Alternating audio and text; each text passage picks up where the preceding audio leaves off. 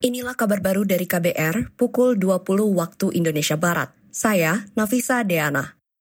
Presiden Joko Widodo mengajak Perserikatan Bangsa-Bangsa PBB memprioritaskan kepentingan rakyat di atas kepentingan lain. Menurut Jokowi, kerumitan krisis yang terjadi di dunia saat ini sangat dirasakan langsung dampaknya oleh masyarakat. Pernyataan itu disampaikan Jokowi saat membuka KTT ke-13 ASEAN PBB di Jakarta Convention Center hari ini.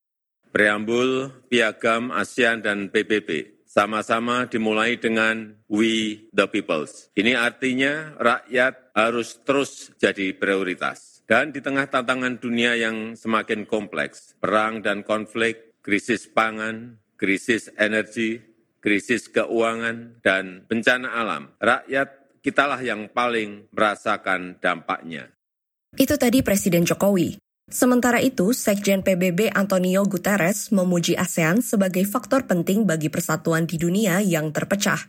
Guterres juga prihatin atas kondisi dunia yang didera berbagai krisis, mulai dari darurat iklim, perang, konflik, meningkatnya kemiskinan, meluasnya ketidaksetaraan, dan ketegangan geopolitik.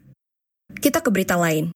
Sebagian kalangan DPR mengingatkan pemerintah bahwa masih banyak masyarakat yang tinggal di rumah tidak layak huni.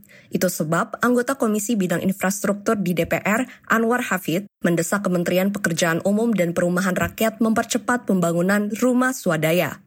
Oleh karena itu tolong Pak dibicarakan kembali. Kita berharap di Indonesia ini tidak ada lagi rakyat kita yang tinggal di rumah yang tidak layak huni. Kita bangun IKN megah luar biasa sampai 13 miliar. Tapi rakyat yang hanya 20 juta itu masih dikurangi lagi. Ini di mana nurani kita ini? Ini di mana keadilan kita? Jadi tolong ini butuh nurani kita semua ini. Rakyat butuh sekali. Mereka senang bahagia dengan perumahan dengan program BSPS itu.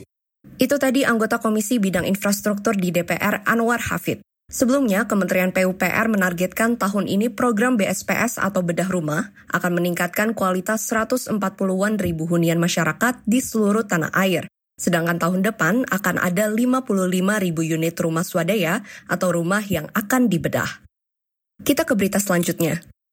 Kerja Komisi Nasional Hak Asasi Manusia Komnas HAM dinilai gagal menuntaskan kasus-kasus pelanggaran HAM berat termasuk pembunuhan aktivis HAM Munir yang kasusnya terkatung-katung hingga hari ini genap 19 tahun. Berikut penjelasan Koordinator Komisi untuk Orang Hilang dan Korban Tindak Kekerasan Kontras Dimas Bagus Arya.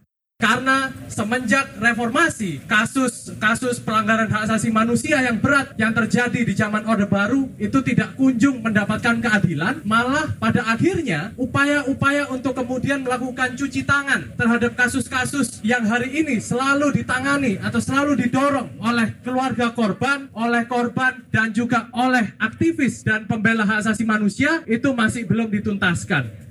Koordinator Kontras Dimas Bagus Arya juga mengkritik kinerja Komnas HAM yang tidak berani mendorong penyelesaian kasus-kasus pelanggaran HAM.